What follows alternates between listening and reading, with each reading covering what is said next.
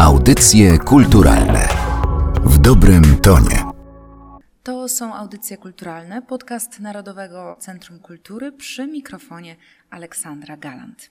Prymityw z Powiśla, Leon Kudła, 1879-1964. To jest najnowsza wystawa, którą możemy oglądać w Państwowym Muzeum Etnograficznym w Warszawie. Myślę, że nawet wielu mieszkańców Warszawy, a nawet samego Powiśla, może nie wiedzieć, kim był Leon Kudła, co cechowało jego twórczość i z kim ta twórczość najczęściej była porównywana, ale właśnie dlatego ja do dzisiejszej rozmowy zaprosiłam kuratora tej wystawy, etnologa Patryka Pawlaczyka. Witam w audycjach kulturalnych. Dzień dobry, bardzo mi miło. Zastanawiam się, od której części nazwy tej wystawy zacząć, czy Prymityw z Powiśla, czy Leon Kudło, ale może najlepiej zacząć od przedstawienia postaci, o której będziemy rozmawiać. Tak więc Leon Kudła był rzeźbiarzem. Był rzeźbiarzem, ale należy pamiętać, że rzeźbiarstwo i sztuka, tworzenie sztuki czy wytwarzanie rzeźb było dodatkowym zajęciem Leona Kudły. Leon Kudła, chociaż uważany jest za jednego z najwybitniejszych artystów ludowych, większość swojego życia spędził w Warszawie i do tego na Powiślu, stąd też nazwa wystawy, zaczął rzeźbić już w Warszawie, chociaż tak naprawdę ta eskalacja jego twórczości miała miejsce, gdy odszedł na emeryturę i przeniósł się do Świerży Górnych. To jest taka wioska na Kielecczyźnie, gdzie Leon Kudła na emeryturze osiadł i tam stworzył najwięcej swoich prac.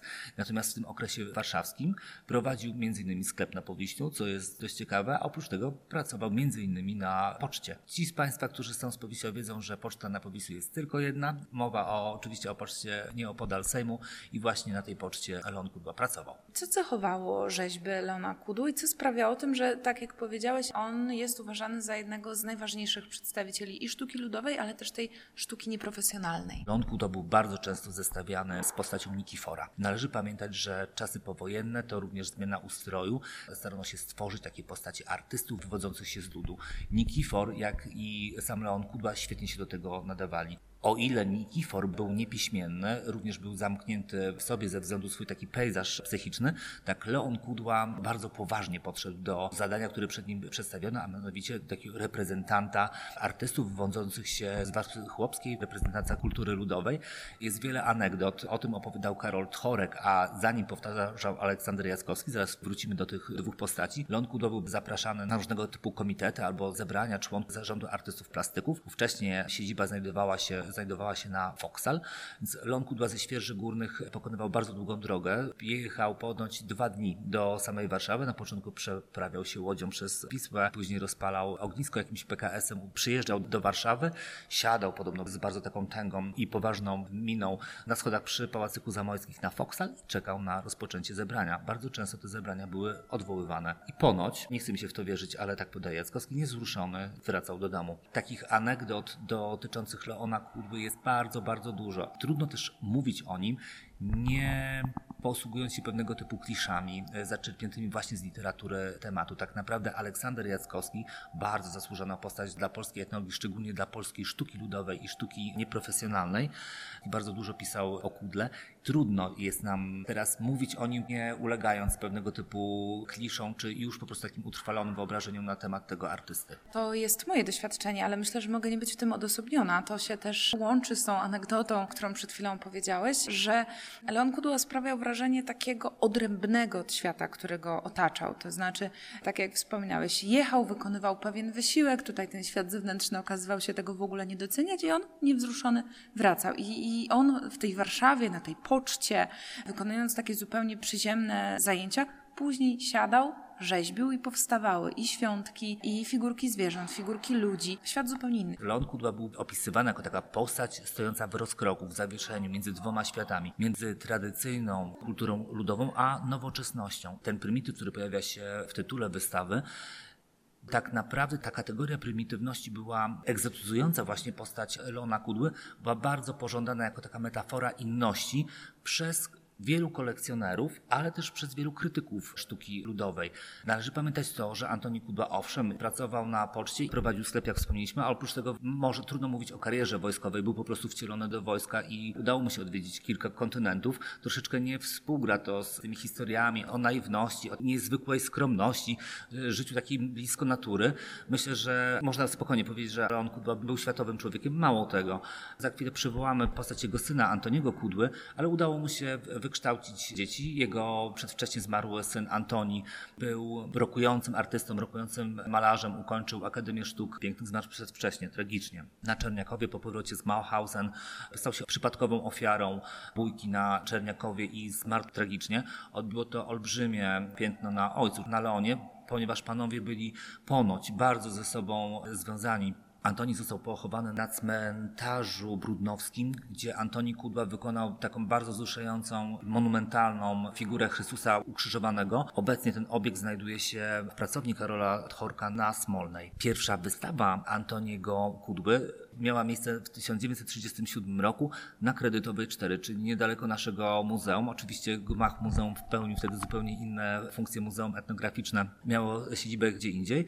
Był to salon Koterby, był to zakład ramiarski, ale oprócz tego odbywały się tam wystawy. I właśnie tam dwaj panowie, ojciec i syn, Leon Kudła i Antoni mieli pierwszą taką monograficzną wystawę. Syn Antoni pisał wówczas, że prace jego ojca są tak naprawdę wyrazem tęsknoty polskiego chłopa za ziemią, za naturą i są wyrazem chłopskiej wrażliwości.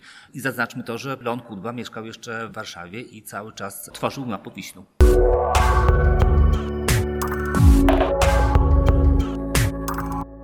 Zaciekawiła mnie ta chłopska wrażliwość, bo na wystawie oglądamy figurki, które wyrzeźbił Leon Kudła i wiele z nich cechuje się właśnie taką, to jest dobrze ujęte, taką chłopską wrażliwością, bo tam są przecież i zwierzęta, i ptaszki. Pojawia się wiewiórka, mam wrażenie, że ten motyw wiewiórki został wykorzystany przy tworzeniu wystawy. No jest też wyeksponowana figurka, która nawiązuje do tego, o czym mówiłeś, o niezwykłej więzi ojca i syna, bo przedstawia syna Leona Kudły, który siedzi na krześle, siedzi na fotelu, a obok niego jest taki, no powiedziałabym, trochę większych niż naturalnie rozmiarów pies. Naprawdę nie dajmy się nabrać w te narracje, które właśnie lokują Leona Kudłę właśnie w takim zamkniętym, magicznym świecie natury, chłopskiej wyobraźni. Dlaczego? O tym e, niewiele osób wie, ale na przykład twórczość Leona Kudły wcale nie była zaakceptowana przez wieś, czyli przez społeczeństwo wiejskie, a mowa tutaj o świerszach górnych, tam gdzie tworzył najwięcej świąt i w ogóle figury kultowe, czy figura frasobliwego, albo figury Matki Boskiej. W kulturze, tradycyjnej kulturze ludowej miały funkcje kultowe. One służyły do modlenia. Były taką fizyczną inkluzją, która po prostu służyła do praktyk religijnych. Leon Kudły miał totalnie świadomość tego, że rzeźbi tak naprawdę dla odbiorcy miejskiego, dla koneserów z miasta, dla krytyków sztuki, którzy właśnie pragnęli, pożądali tej prymitywności Oczywiście według siebie ofiarowywał im rzetelne prace, natomiast to przez odbiorców miejskich jego rzeźby były uważane za prymitywne i przez to inne i, i, bardzo ciekawe. Powiedziałeś coś, co bardzo mnie zastanowiło, mianowicie, że on wiedział, dla kogo tworzy i to jest moje kolejne pytanie. Dlaczego on tworzył? Dlaczego on rzeźbił? Wydaje mi się, że takim przełomowym momentem była tragiczna śmierć syna, bo po tym wydarzeniu on się już w całości oddał rzeźbieniu. On już przestał pracować zawodowo, skończyła się historia z pocztą, ze sklepem. To była taka próba jakiegoś odcięcia się, zapomnienia, czy też tak jak mówisz, próba dotarcia do kogoś. Możemy gdybać. Na pewno twórczość Leona Kudły wynikała z jego wewnętrznej potrzeby. To jest oczywiste. Inaczej nie ma sztuki, nie ma artystów. Sztuka musi się rodzić z wewnętrznej potrzeby, ale nie ukrywajmy, że Leon Kudła też prowadził dalej życie. Wybudował dom, na który musiał zarobić. Ożenił się ponownie, chociaż nie miał już dzieci, po prostu prostu stworzył nową rodzinę i najprościej w świecie zarabiał, sprzedając swoje prace. I na wystawie możemy zobaczyć kilka bardzo podobnych przedstawień. Jest figura, postać Chrystusa Frasobliwego, na samej wystawie możemy ją zobaczyć przynajmniej w czterech odsłonach. Te rzeźby są inne, jednak powstały w ramach pewnego kanonu. Podobnie ptaki. Styl kudły był bardzo łatwy i nadal jest bardzo łatwy do rozpoznania, bo te ptaki, zresztą opisywał je Jackowski, zresztą są monumentalne, ciężkie, bardzo duże, toporne. One są też bardzo chłodne w dotyku, co jest bardzo ciekawe. O tym też pisze Jackowski. Chodzi oczywiście o bryłę i duże formaty tych figur, ale również materiał, z którego zostały stworzone, czyli rzeźbo topolowe. Chciałam Cię zapytać o takie rozróżnienie, bo pojawiały się w naszej rozmowie trzy pojęcia, trzy określenia, mianowicie sztuka naiwna, sztuka prymitywna i sztuka nieprofesjonalna.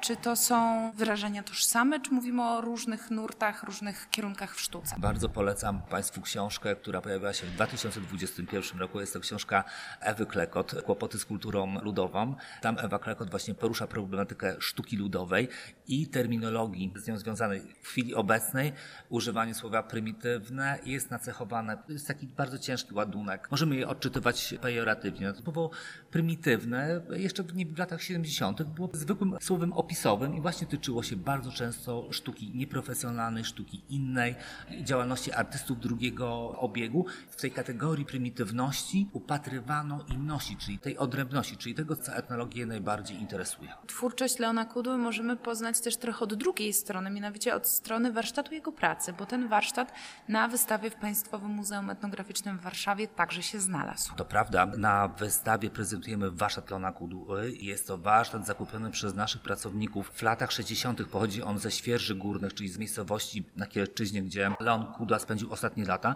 I co jest bardzo ciekawe, elementy tego warsztatu, różnego typu narzędzia, dłuta, ale piłki, są wykonane przez samego Leona Kudłę, są samoróbkami. Warsztat prezentuje się naprawdę wspaniale i mam nadzieję, że odwiedzicie nas Państwo, żeby raz zapoznać się z twórczością Leona Kudły, ale właśnie, żeby ten specjalny obiekt zobaczyć. Na wystawie znajduje się jeszcze jeden mebel, w takim można powiedzieć jej centralnym punkcie. To jest szafa, stara szafa, malowana szafa, ale chyba także w jej przypadku nie do końca można się dać zwieść wrażeniu, jakie robi. Jest to szafa XIX-wieczna, bardzo piękna, szafa w takim trochę ludowym stylu. Pochodzi ona z pracowni Karola Horka.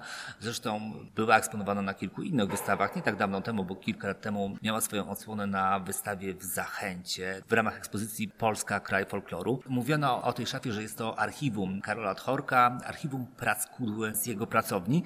Faktycznie tak jest, ale okazało się, że szafa, chociaż jak najbardziej pochodzi z jego pracowni, to niestety nigdy nie widziała na oczy ani Karola Tchorka, ani Leona Kudły. Została ona zakupiona przez syna Karola Tchorka i Katy Bental, którzy stworzyli pewnego typu, no można powiedzieć, instalacje. Po prostu rzeźby kudły, ludowe rzeźby kudły bardzo współgrały według ich odczuć estetycznych właśnie z tą szafą i te prace zostały tam umieszczone. Bardzo ciekawe, ponieważ ukazuje nam, jak łatwo możemy dać się uwieść pewnego typu narracją, a sama ta historia szafy jest również taką ostatnią odsłoną dotyczącą twórczości Leona Kudły, ale również właśnie relacji Kudły z rodziną Tchorków. Nieodłączną częścią wystawy, a raczej integralną jej częścią są kolaże, które towarzyszą ekspozycji. Te kolaże zawierają w sobie elementy kluczowe dla twórczości Leona Kudły, ale także jego wizerunek. Świetne kolaże na wystawie, które są elementem scenografii, jak gdyby ją dopełniają, to kolaże autorstwa Magdy Sobolskiej. Są świetne i faktycznie wykorzystują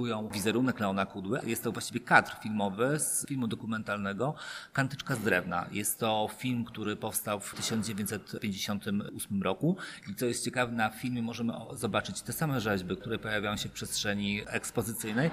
O czym jest dokładnie film, jak ukazuje rzeźby Leona Kudły. Mam nadzieję, że odwiedzicie Państwo wystawę i przekonacie się osobiście. I do tego oczywiście zachęcamy. Wystawa Prymityw z Powiśla Leon Kudła 1879-1964 do 11 lutego przyszłego roku jest dostępna w Państwowym Muzeum Etnograficznym w Warszawie, a dzisiaj opowiedział o niej Patryk Pawlaczek, kurator wystawy. Dziękuję Państwu.